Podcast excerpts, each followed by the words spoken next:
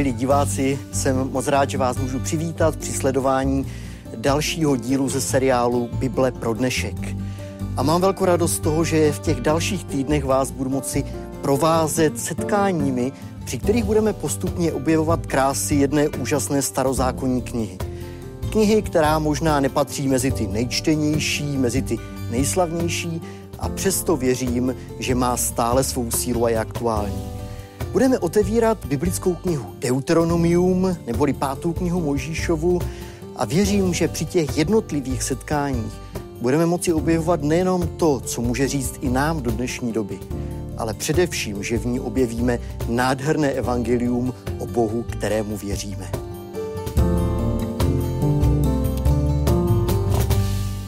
Jsem rád, že dnes mohu přivítat milého a vzácného hosta, který spolu s námi bude otevírat právě knihu Deuteronomium.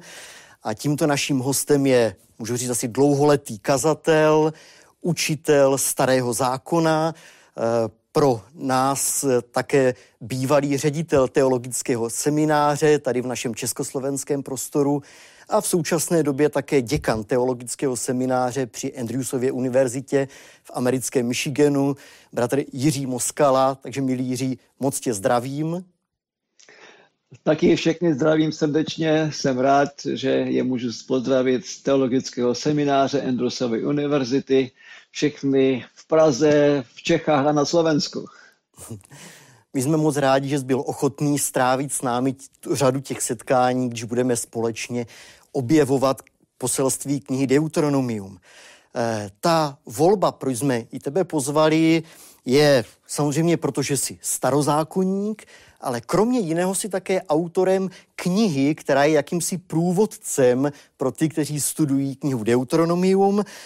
Právě v těchto dnech ve vydavatelství Advent Orion vychází kniha, která je nazvána Deuteronomium, kniha lásky, která se těm jednotlivým tématům věnuje a i takovým pozváním k hlubšímu přemýšlení. Eh, milí diváci, pokud o ní budete mít zájem, věříme, že ji seženete, bude poměrně snadno k dispozici každému z vás. A my se k mnohým tématům z této knihy budeme i společně v našich rozhovorech vracet. To naše první společné setkání má být takovým, řekněme, představením knihy Deuteronomium, protože je to naše první setkání. A tak, když mám před sebou svou Bibli a mám tam otevřenou knihu Deuteronomium, možná pro ty, kteří nikdy se jí příliš nevěnovali, eh, mohl bys prosím tě udělat takové aspoň krátké představení, možná nalákání, o čem vůbec tato kniha je? Eh, řekl bych, že kniha Deuteronomium je vlastně Mojžíšův testament. Je, eh, je to kniha lásky, jak jsem i nadepsal celou knihu. Je to evangelium podle Mojžíše. Eh, Mojžíš podle celé knihy má 120 let.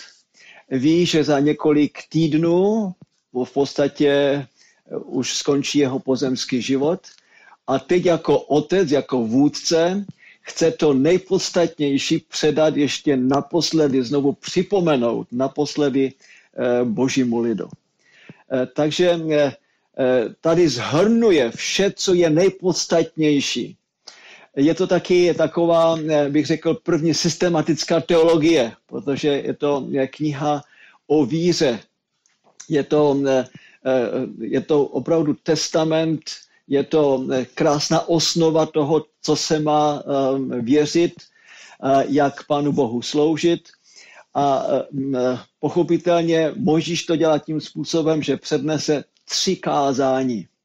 První kázání je kapitola první a čtvrtá, potom druhé pátá až 28, třetí 29 a 30 a pak k tomu přijde 31, kde právě předá otěže vůdcovství do rukou Jozuemu a na to pak ještě učili lidi, jak mají zpívat eh, celé evangelium o Pánu Bohu. To je 32. kapitola, ve 33. kapitole pronese požehnání nad 12 pokoleními a poslední kapitola 34. vlastně už eh, pojednává o jeho smrti. Takže Možíš zde vlastně mluví o lásce, naději a víře. A proto bych řekl, že to je nádherné evangelium, je to předně poselství, kdo je Pán Bůh. Ehm, je to Bůh lásky, Bůh pravdy, Bůh spravedlnosti, Bůh odpuštění, Bůh, který je trpělivý, který jedná se svým lidem. No a dává také naději do budoucna, protože e, lidé jsou teď na pokraji vstupu do zaslíbené země a on je vlastně uvádí do té nové budoucnosti, co tam budou čekat, jak by měli žít a když budou Pána Boha poslouchat, budou věrní, jak Pán Bůh zase je bude vést a jim odplatí, jak jim bohatě bude žehnat. Takže eh, ano, eh, je to, je to taková ústava, krásná ústava toho, co pán Bůh řekl, kdo je a co od svého lidu čeká. Kniha lásky, kniha víry, kniha naděje. Děkuju, to zní hodně lákavě. Mám pocit, když někdo možná poprvé otevře Bibli, že už tak lákavě nevypadá název té knihy. Když někdo začne listovat a narazí na knihu, která je nadepsána Deuteronomium, obávám se možná i z vlastní zkušenosti, když jsem jako ještě chlapec četl Bibli, trošku mě ten název měl tendenci odradit. Můžeme se na chvíli u něj zastavit, co to zvláštní slovo vůbec znamená, proč tam je, co si pod ním představit? Jo. No, české slovo Deuteronomium je vlastně latinské slovo Deuteronomium a to pochází z řečtiny Deuteronomion a je to složení na dvou slov, deuteros a nomos. Deuteros znamená druhý a nomos zákon. A je to vlastně eh, eh, takové nepochopení celé knihy, protože eh, hned ten název řekne, je to o zákoně. Ne, ne, hned si něco představíme studeného, příkazy, zákazy eh, a ještě je to opakování, je to druhý, eh, druhé vydání jakoby zákona. Eh, je to otázka taky překladu určité jedné myšlenky z knihy Deuteronomium hebrejsky vlastně ta kniha se nenazývá Deuteronomium nebo druhé vydání zákona nebo opakování zákona, ale začíná to jako devarim, slova, nebo ještě lépe by se to dalo říct příběhy. Eh, třeba kniha Chronicles eh, Paralipomenon. Eh, taky jsou jako slova dávaná do, do názvu knihy ale to slovo eh, dávar hebrejsky má mnoho významu. A proto by se to dalo přeložit jako kniha příběhu. A řekl bych, je to kniha božího příběhu předně a potom kniha příběhu božího lidu. Jako poutníci teď jsou na Prahu eh, nové zaslíbené země a potřebují tam vejít a Možíš nyní v té své poslední fázi svého života jim chce připomenout, důrazně sdělit, co vlastně mají dělat, jak mají eh, pěstovat krásný vztah se svým Bohem, aby když vstoupí do nové země, eh, jejich pobyt byl opravdu požehnáním. Eh, v mé Biblii ta kniha má ještě podtitul, který je možná známější, pátá kniha Mojžíšova. Eh, ty jsi už něco z toho nakousnul, že tam jsou ty Mojžíšovi řeči. Možná kdybychom ještě doplnili, jakou roli vlastně tam hraje Mojžíš v tom v té knize příběhu, jak ty říkáš? Eh, kromě toho, že to je kniha o Pánu Bohu uh-huh. a kdo on je, kdy vlastně Mojžíš líčí jeho charakter v nádherných eh, strukturách a i ve výrazovém eh, pojmosloví, eh, tak tato kniha taky mluví o Mojžíšovi. Jak jsem řekl, je to jeho testament. Už je na konci svého života. Boží lid je teď v Moab, na moabských pláninách, je před Jordánem a mají vstoupit, přestoupit, vstoupit do nového, na nové teritorium tedy před nimi je Jericho a pak tedy nový, nové území, které mají začít obývat. A tento hled do toho nového života je vlastně celá kniha. A Mojžíš zde hraje klíčovou roli, protože jim znovu připomíná vlastně, jak mají na té nové zemi žít, v té nové zemi žít. Jak, jsme, jak jsem řekl, slovíčkou Deuteronomium je vlastně nepochopením celého obsahu knihy, protože když se hned podíváme do první kapitoly, tak je tam napsáno, to jsou slova, která mluvil Mojžíš k celému Izraeli v Zajordáni. A teď se popíše vše, co je tam. Bylo to ve 40. roce prvního dne 11. měsíce. To znamená, jsme tady v posledních dvou měsících 40. roku, tedy jenom pár měsíc, pár týdnů v podstatě, a Možíš usne v pánu, bude čekat na svoje vzkříšení. A pak v pátém verši je napsáno, že v zajordání v Moabské zemi začal Možíš vysvětlovat tento zákon. Takže ne, že by opakoval to, co už bylo řešeno předtím, ale on teď vysvětluje, on teď interpretuje, aplikuje to, co bylo řečeno předtím. Musíme si uvědomit, že doposud boží národ eh, vyšel z Egypta, eh, teď 40 eh, let v podstatě byli na poušti a teď mají vstoupit na nové území. Měli nomádský život a tento nomádský život se teď změní budou žít ve městech, ve vesnicích, tedy budou mít městský život také. Tedy to bude velký přelom. A teď už nebudou poutníci chodit z jednoho místa na druhé, ale budou stabilně usazeni v zemi. Tedy jak tam žít. A tedy Možíš teď to, co už bylo předtím zjevené, zopakuje některé věci a teď je aplikuje, je interpretuje tak, aby oni věděli, jak v té nové zemi, na tom novém území, v zaslíbené zemi žít, aby pán Bůh s ním měl radost a jejich život byl bohatý, krásný, eh, plný eh, života ehm, a toho, co pán Bůh eh, si přál, aby vlastně mohli prožívat. Takže Možíš skutečně tam hraje úžasnou roli Eh, my věříme, že Možíš eh, byl vlastně pisatelem této knihy, aspoň větší části celé knihy. Jsou tam jistě věci, které jsou jako zmodernizované, pár poznámek, aby pozdější čtenáři věděli přesně, co se ten, tehdy odehrálo v nějakém místě, na jakém území to bylo ale Možíš eh, zde vlastně je eh, vylíčen jako velký vojevůdce, jako takový táta celého národa.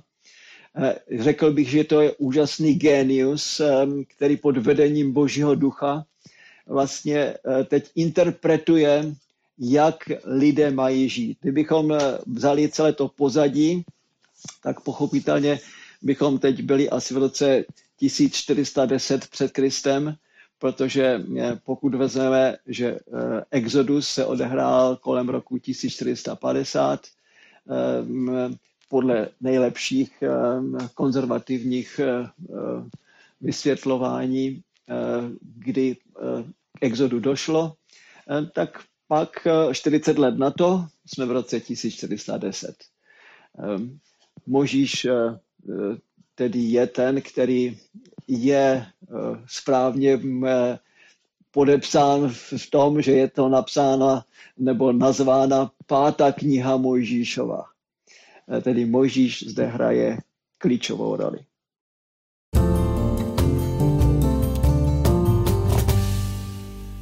Zůstaňme ještě na chvíli u toho označení pátá kniha Mojžíšova. Ty jsi už si před chvílí říkal, že vlastně tam se mluví, že už 40 let uplynulo od něčeho a ve mně už evokuje ten název pátá Mojžíšova přirozeně, že byla také čtvrtá, třetí, druhá, první.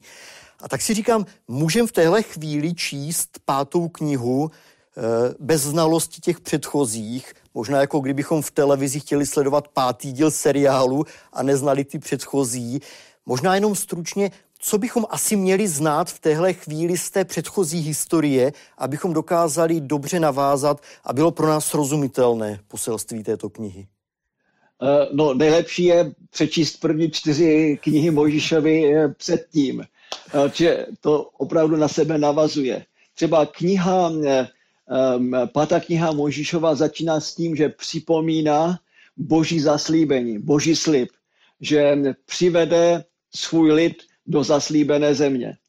No, ten slib byl dán nejdříve Abrahamovi, eh, pak Izákovi, pak Jákobovi a to je hned na začátku eh, zdůrazněno eh, v první kapitole. Tedy je nemožné pochopit celou knihu, aniž známe Boží zaslíbení. Ano, já vás vyvedu ze země, kterou, v které teď žijete, je to země otroctví a přivedu vás do zaslíbené země. Tedy zaslíbení. Eh, lidé byli v Egyptě, když eh, eh, pán Bůh nebo v kanánské zemi, nejdříve Abraham a pán Bůh zaslíbuje, ano, já vám dám tuto zemi, sice to nebude hned, pak se dostanou do zaslíbené, do egyptského otroctví, do Egypta a kniha vlastně začíná tím, že připomíná, že byli už na hoře Sinai, u Chorébu. Eh, takže zatím je Exodus, tady celá kniha Exodus, eh, druhá kniha Mojžišova je, je zde popsána. Eh, mluví se o tom, že u toho Chorébu, u hory Sinai už strávili hodně dost času, vlastně tam strávili něco přes rok a teď, že se mají vydat na novou cestu ta, ten pobyt eh, na Sinaji je vlastně eh, zdůrazňován v, v knize Exodus, eh, v druhé části a pak v knize Leviticus, uh-huh. kde se taky připomínají různé zákony.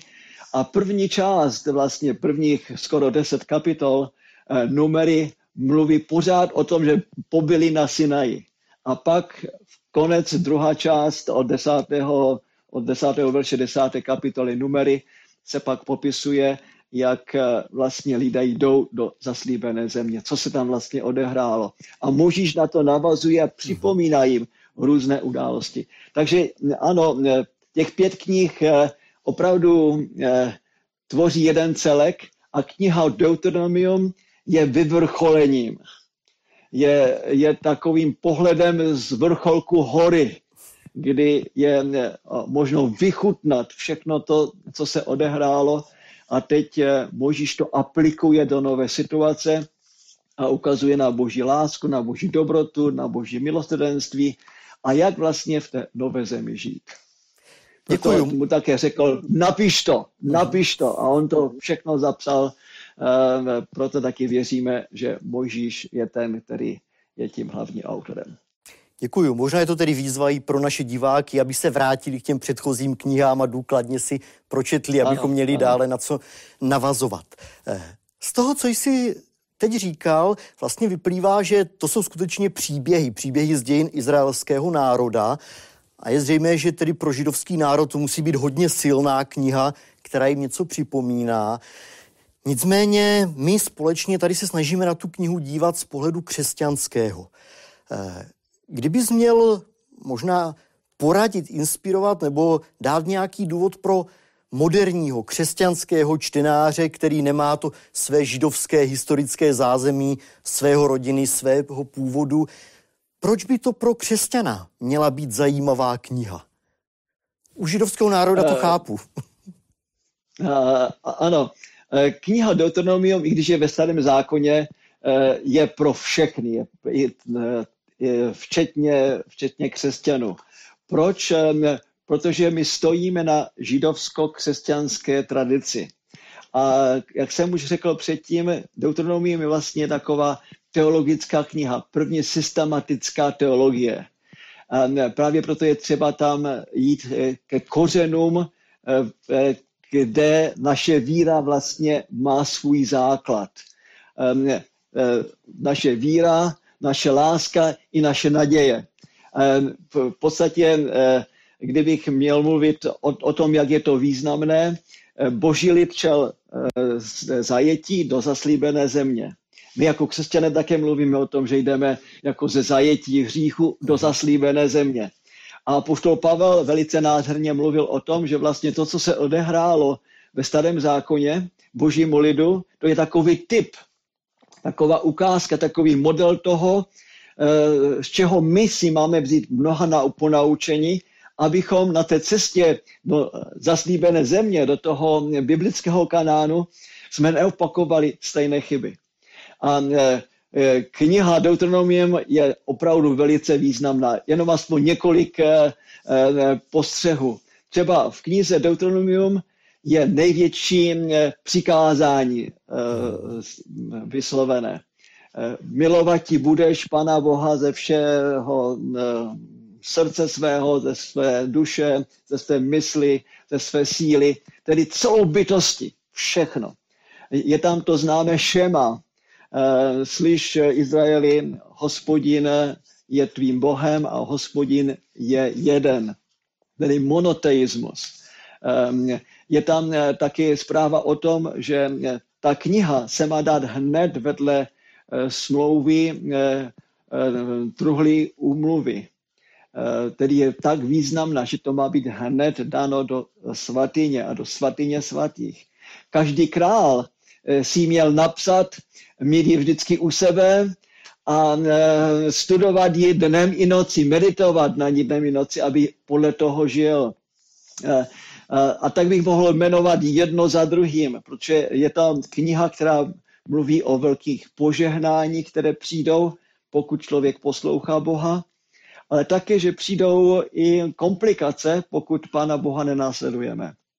A co si myslím, že pro křesťana je asi nejvýznamnější, je, že Kristus, když byl pokoušen satanem na poušti, tak na všechna tři pokušení odpověděl citaci z knihy Deuteronomium. A to je většinou neznáme.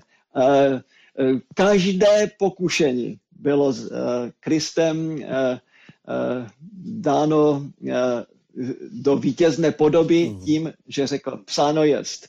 A cituje vždycky určitou pasáž z knihy Deuteronomium. Tady, jestliže Kristus používal knihu Deuteronomium k vítězství nad hříchem, nad pokušením, my bychom taky měli naplnit svoji mysl touto systematickou teologii, tím evangelium eh, podle Mojžíše o Pánu Bohu, abychom věděli, eh, jak Pána Boha nasledovat, abychom nebyli eh, odvedeni od toho hlavního cíle soustředit na Pána Boha různými pokušeními a svody satana. Děkuju, tak to jsou asi hodně dobré důvody, proč se můžeme v těch následujících týdnech ponořit do krás této knihy. Eh, na úplný závěr si dovolím být trochu osobní. Už jen jedna jediná kratičká otázka. Dával z různé, možná faktické důvody, proč tu knihu číst. Kdybys měl ale říct velmi stručně sám za sebe, co pro tebe je hlavní důvod, proč ty rád tu knihu čteš? Našel bys takový? Eh, ano, já tu knihu rád čtu, protože eh, má nádherný pohled na Pána Boha. Ten obraz je velice přitažlivý. Eh, slovník, který Možíš používá, když popisuje Boha, je velice bohatý. Třeba kdybych šel jenom do 32. kapitoly, kde je Možíšova píseň, tak on tam řekne o Pánu Bohu tohleto. Vykresluje ho jako Boha, jako skálu, jako otce, stvořitele, nejvyššího orla, spasitele, život. Eh, eh, to, to, to je eh, prostě celá škála různých nádherných přirovnání a obrazů. Mluví o Bohu jako o králi, jako o útočišti, štítu, pomocníku, slavný meč, pak, eh, a to jsou jenom podstatná jména, která jsem vyjmenoval. A pak je tam spoustu sloves, eh, kdy se popisuje, co ten pán Bůh dělá, jak pán o, o eh, své děti pečuje, jak je má rád, jak odpouští. Jeho dílo je dokonalé, na všech jeho cestách je právo, Bůh je věrný, bez podlosti, spravedlivý, přímý, chrání, pečuje, hlídá, tvoří, sytí, vyživuje, soudí. A to jen cituji slovesa. Uzdravuje, oživuje, vysvobozuje, odpouští, směřuje. to je to, to čím je eh, ta kniha pro mě tak přitažlivá. Ten obraz Boha je krásně hřejivý. Pán Bůh nás objímá, miluje a chce nás vést. A když se necháme vést, pak taky náš život může být bohatý, krásný a úspěšný. K tomu už asi není mnoho co dodat. Je vidět, že ta kniha tě naplňuje nadšením a to je úžasné a tak se moc těším za to, na to, že v těch dalších setkáních se na ty jednotlivé myšlenky budeme moci podívat podrobněji. Moc děkuji za to, že jsi byl tady s námi dnes, že z nás nalákal a budu se moc těšit, že v dalších dílech půjdeme dál a dál. Byla to velká radost pro mě. Děkuji.